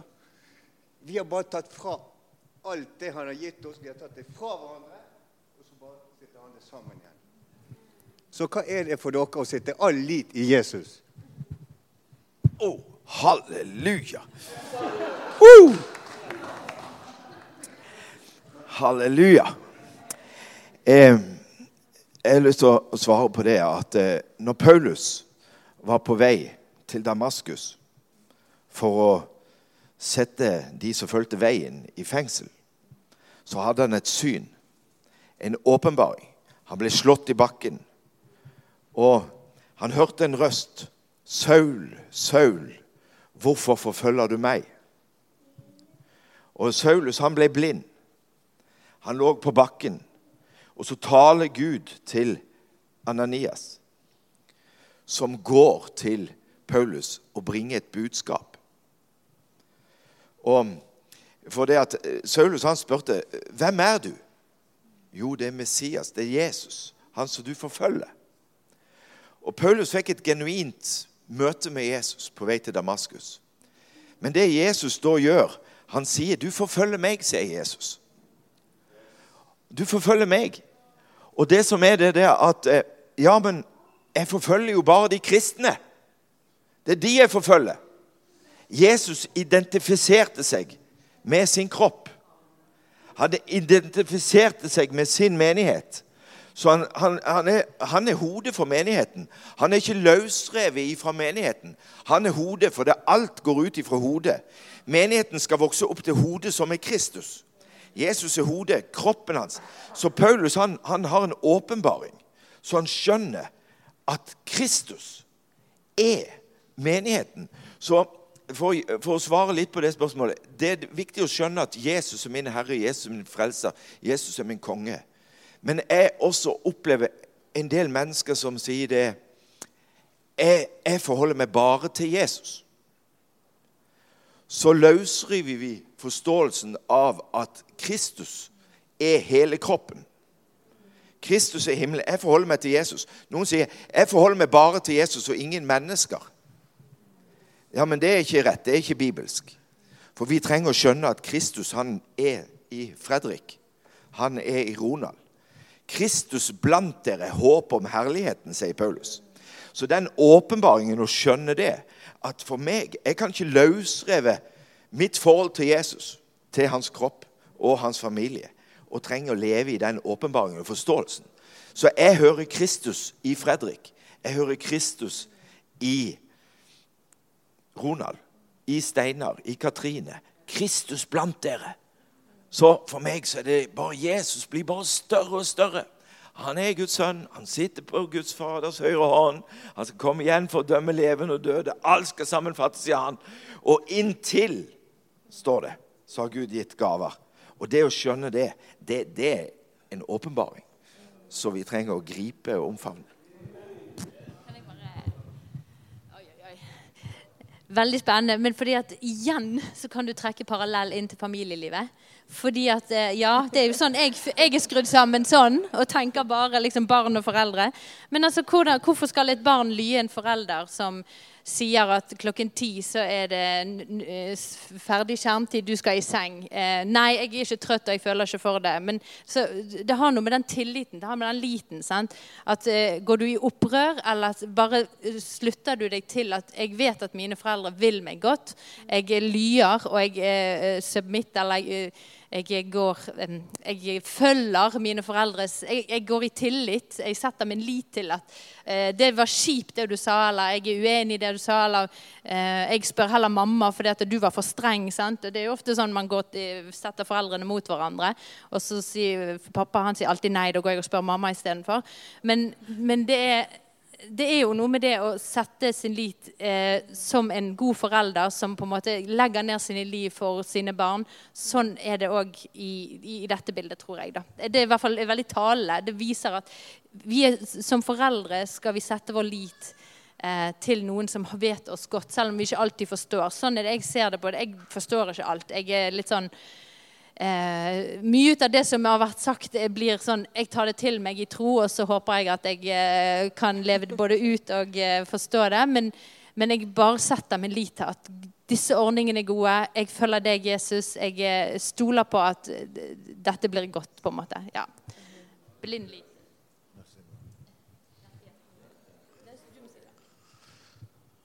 Vet du hva, det er også uh, En ting som jeg har tenkt på alltid, det er at jeg har aldri skjønt folk som higer etter å få en uh, Stå i en posisjon, da. Det har jeg aldri skjønt. Av en enkel årsak. For et ansvar en har av å stå i en posisjon. Forstår du? Jeg husker en som sa inne i Oslo. Han var en hyrde. Og så kommer han frem og så sier han at Gud har talt til meg i natt. sa han. Hvis ikke du forkynner det jeg legger på hjertet ditt, så har du ingenting der å gjøre. Ikke sant? Så, og det og ikke minst det å være, komme inn i et sånt fellesskap. da. Det, du senker skuldrene, for du kommer inn under noe. Ikke sant? Det er ingenting som er bedre enn det for å stå der med anstrengte skuldre og holde deg oppe. Det skal jeg si det blir tungt i lengden. Derfor tror jeg på dette her.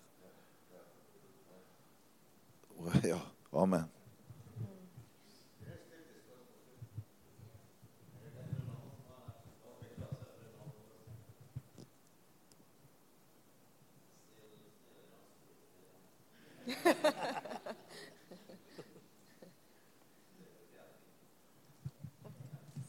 altså, jeg har ikke hørt ordet nådig her da, angående nåden. da.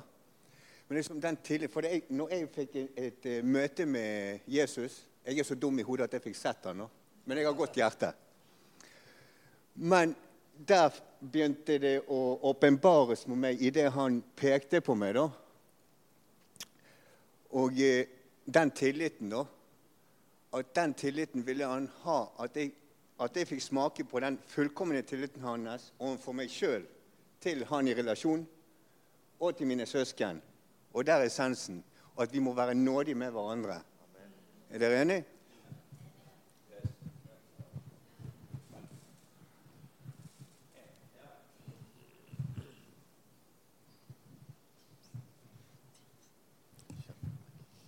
Um, akkurat dette spørsmålet det, det, det, kom, tro, Jeg vet ikke om jeg kom helt til på sjøl. Men uh, jeg bare følte for at det var riktig å spørre. Så da prøver vi å se hva som skjer. um, uh, det er kanskje det um, Jeg har lyst til å spørre Per Ivar liksom, Hva er det du Det, er, kanskje, det var et veldig sånn kommanderende spørsmål, men uh, hva er det du savner ved å ha um, evangelisten rundt deg og påvirke det du gjør, og de du holder på med, de du gjør ting med, og det du holder på med? Hva er det du føler mangler eller, eller savner rundt det å ha evangelistene rundt det profetiske arbeidet? Eh, det er jo et rundt spørsmål, eh, men sånn som Men altså, det jeg kan si, at eh, Det er nok litt i det at F.eks. Philip hadde jo fire døtre, og de var alle profetinner. Og eh, at eh, det, det jeg syns er litt fint, da, fordi for meg så har eh, mine antagelser mer enn erfaringer vært at jeg har følt egentlig Jeg har jo erfart det òg, at ofte så har Altså, der vi to Vi er jo de som kanskje har stått Altså nå snakker jeg om i tjeneste. Stått litt utenfor og kanskje følt oss mest brukt. Vi er godt for å komme inn, og for så å bli kastet ut igjen. For å si det sånn. Og det Ja. Og eh, samtidig som at eh, eh, du kan si at Men vi er jo mest avhengig da, av på en måte alle tjenestene. Fordi at eh, evangelisten er jo den som er med og høster inn sjeler. Og hva så? For det det vi vet i Norge, hvor vi leser om at der ble det hundrefrelst, der ble det 50 frelst. Ja vel, men det er bare det at uh, i Kirkenes, eller vi kan nevne forskjellige steder altså Det er jo ikke så mye mennesker der. Og det er jo bare et år etter så er det jo ikke noe mer innflytelse som menigheten har, fordi de er jo ikke der. Og uh, det er jo det samme som for min del. altså Jeg får jo være med og løse ut mennesker til tjenester. Men ofte så er jo det knyttet til at de har blitt utrustet til å høre fra himmelen. Ja, det er vakkert å se at noen har jo blitt forløst til å bygge bedrifter. Eh, så da er du ikke så avhengig av å være en del i akkurat det profetiske ordet, at det skal gå gjennom. Men de fleste så går det på at du forløser tjenester, gaver. Og da blir jo det faktisk veldig trist å se at Som jeg var et sted for ikke så lenge siden. Og så så jeg et fint ektepar som jeg utrustet i 2006 og 2008, og som jeg vet var ledere i Altså ikke ledere, men var med i lederskapet i en menighet. Og så var det da i fjor, så, så var de på det møtet som vi hadde. Og vi har jo med team, og det syns jeg er jo også fantastisk å se. At Svein han multipliserer, utruster, har med seg folk som faktisk da ikke blir Svein, men som kommer til å fungere som sterke evangelister. Og det er jo det samme at jeg tror at når jeg utruster folk, så er det faktisk blant dem. Selv om jeg utruster folk til å på en måte bare frigjøre de 18 kablene som Den hellige ånd har gitt oss aksess til, så tror jeg at noen av de kommer til å bli kalt til en profets tjeneste. Men da er det sånn at eh, det som er trist når vi da har på en måte For, for vi klarer oss. For dette, Gud har jo kalt oss. Så han baner vei for oss. Og jeg tenker sånn at eh, ja, nå, nå, har jeg liksom stått i dette i så mange år, så tenker jeg at ja, takk og lov for at jeg har fått nåde til å bare gjøre det. Men det er jo veldig trist å gjøre det alene. Eh, så jeg tenker egentlig at det spørsmålet ditt vil bli heller. For at det profetisk fungerer også godt ute på gater og streder. Så, så jeg, jeg, har jo hatt en veldig fin reise på akkurat det også. Og tale ut ord, og det er jo helt fantastisk å gjøre det. Det burde alle gjøre. Jeg, gjør det, jeg er mye ute sånn når jeg er og reiser og spiser her og der. Og altså, jeg får jo alltid så god service. Uh, og det hender at de sier at vet du hva, eh, måltidet er på huset. Fordi at det, det er ord Altså, De flokker seg rundt bordet. så Det er jo litt underlig. Du er på steder i Oslo som du spiser, og så undrer alle rundt seg hvorfor er det så stor flokk rundt bordet vårt. For kelnerne kommer stadig vekk. Fordi at du har gitt et ord til en. Og da er jo ikke sånn 'Du må bli frelst'. Men det er 'Vet du hva som ligger i deg?' Jeg fikk en him, hil, hilsen fra himmelen. Og så, blir, så går ryktet i blant disse kelnerne og Noen ganger så går ryktet blant eh, folk som er ute og spiser, så du ikke nesten kan komme deg ut av restauranten etterpå. For de er lett etter deg. så til sist så ser de deg, og da er det en, kanskje fem, seks, syv, åtte stykker som vil høre fra himmelen. Men hva mangler? Det er, vi mangler dere andre. Det er jo derfor det er så vakkert med akkurat denne Altså at vi endelig har kommet til å samle tjenestene for at vi skal kunne se reformasjon. Én ting er vekkelse og se at det kan bli bevegelse for en helg eller to. Men en reformasjon, et nytt tankemåte, som egentlig har ligget der oppe i dagen, eh, som vi da eh, endelig tar på alvor og sier nå må vi etablere denne nye tanken som eh, vil være med. Akkurat som det ordet jeg fikk for 2024, altså som det var på slutten av 90-tallet. Denne litt frykten for å gå over til år 2000 fordi man visste ikke hvordan operativsystemene ville ta det. For de hadde omprogrammert de desifrerte eh, operativsystemer etc. for store bedrifter. Og så var de allikevel spent på ville de takle overgangen. Og så er det, et, det er en overgang i den himmelske verden. Og så sier Herren at er dere rede til å redefinere, reposisjonere og komme inn, så jeg kan gjøre det jeg har ventet på? For det er jo Gud som venter på oss. Det er jo ikke vi som venter på Han. Han venter på oss, at vi skal komme i linje. Så det blir også svar på det å ha tillit til Kristus. Det er jo akkurat det. Det er egentlig det som er svaret. For at vi vil se alt skje. Og derfor så Jeg vet ikke om det var helt godt svar, men jeg vil heller si at vi trenger å være i menigheten.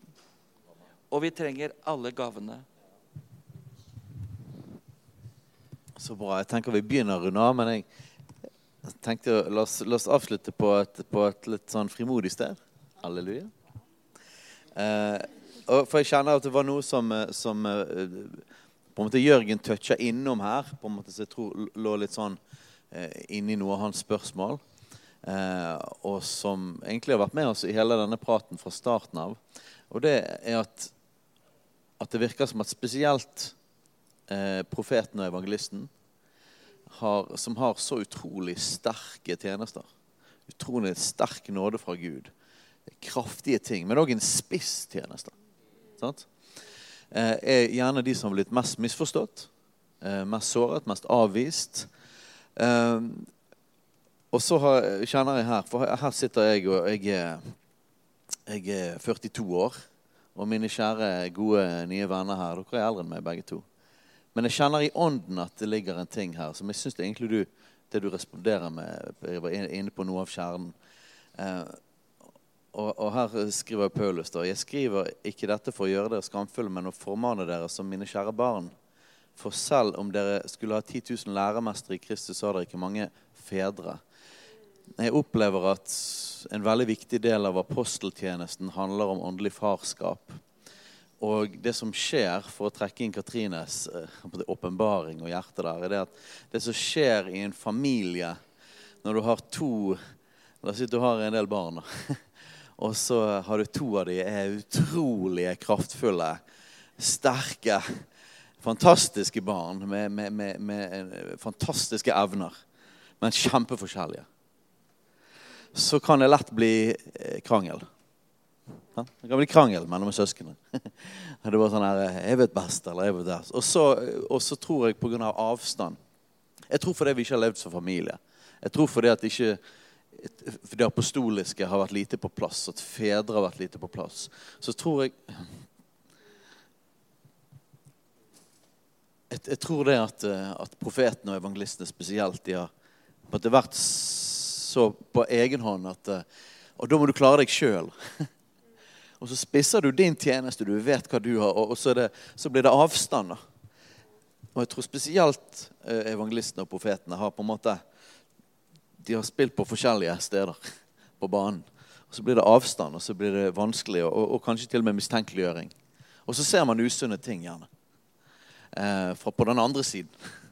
Så har man kanskje noen sjøl òg, da. Så kan man eh, Så jeg tror noe av det er et symptom da, på på mangel på farskap, på mangel på det apostoliske. At, eh, at uh, man ikke har fått blitt adoptert, sånn som du talte. Eller som du, og, og, og, i mye av det vi gjør her, så kjenner jeg at spesielt med dere to så kjenner dere enda kraftigere på dette her enn kanskje alle andre.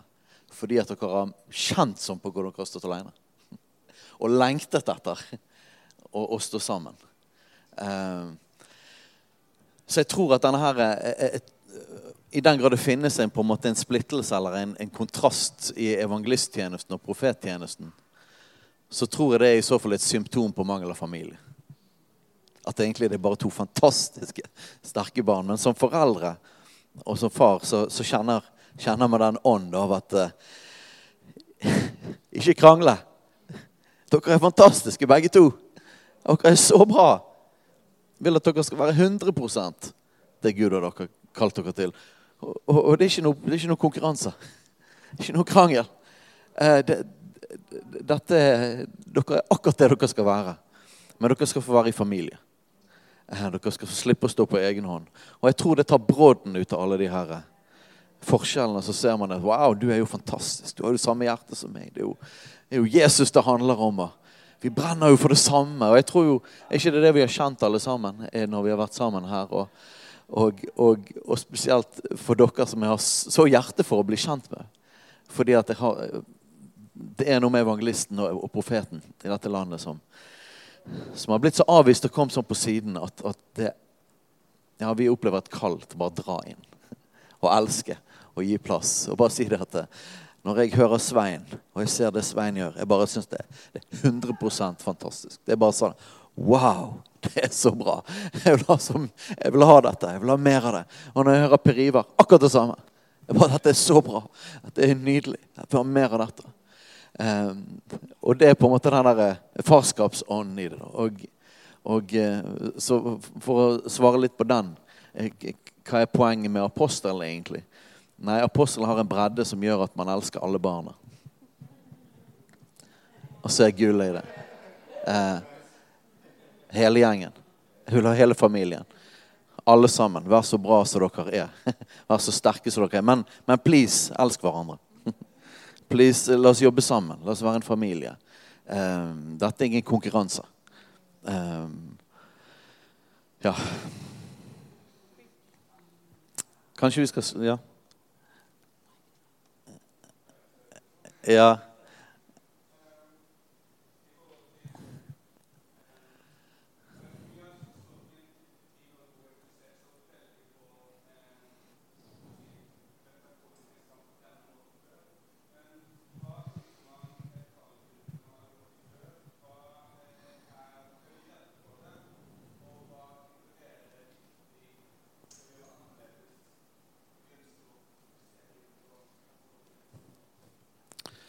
Jeg skal, prøve, jeg skal prøve å svare kort for det. Jeg tenker vi skal gå inn på landing. Det er jo et stort og spennende tema som vi kunne tatt minst en time på. Eh, har, nå når vi på en måte fokuserer og løfter dette mer opp, eh, hva, er, hva, er, gjerne fallgruvene, og hva har vært gjort kanskje før som, eh, som, ikke har vært sunt, og som vi har lyst til å unngå? Igjen, det går an å si mange ting om det, men for å gjøre det kort så tror jeg en at eh, en utfordring eh, når dette har blitt fokusert på på en skeiv måte, har vært fokus på titler og posisjon. Eh, Det vil ikke vi ha noe av, og det tror vi ikke på. Det er ikke Bibelens modell. Men det er heller det som på en måte alle disse her beskriver, at på en måte det er heller at man har kommet til enden av seg sjøl. Man vil tjene Jesus, og that's it. Det, det er det hele greien. Og, og, og, den som leder skal tjene, ikke herske. Eh, så posisjonsjag og titteljag, eh, det er en fallgruve.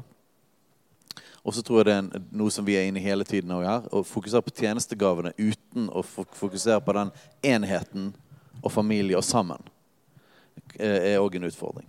At du, du, du forkynner om tjenestegraven. Du vil ha de fram, men alle er solo.